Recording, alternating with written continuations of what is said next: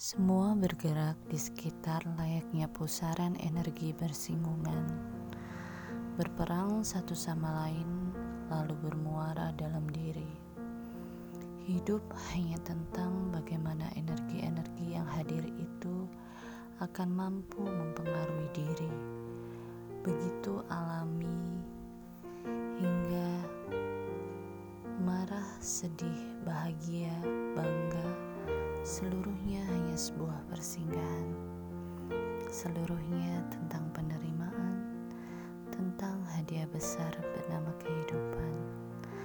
Lalu seberapa besar dirimu hingga kau menganggap memiliki kuasa atas waktu, atas takdir, atas penilaian serta penghakiman dan atas kehidupan itu sendiri. Tentang ceritaku, ceritamu, Ceritanya, bukankah di sini, di bumi ini, kau hanyalah ditugaskan untuk